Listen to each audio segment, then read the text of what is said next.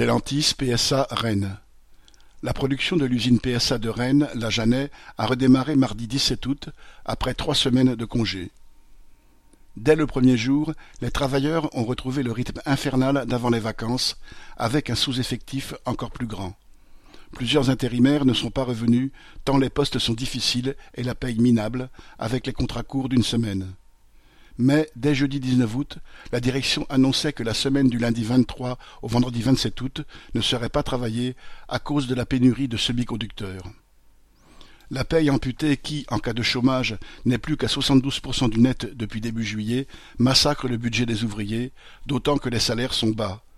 Et pour les intérimaires, c'est encore pire, car, avec le système des missions à la semaine, ils perdent toute leur rémunération quand l'usine ne tourne pas. Alors, beaucoup se disent que Stellantis PSA, qui vient d'annoncer 6 milliards de profits pour les six premiers mois de l'année, devrait payer tous les salaires à 100%. Correspondant Hello.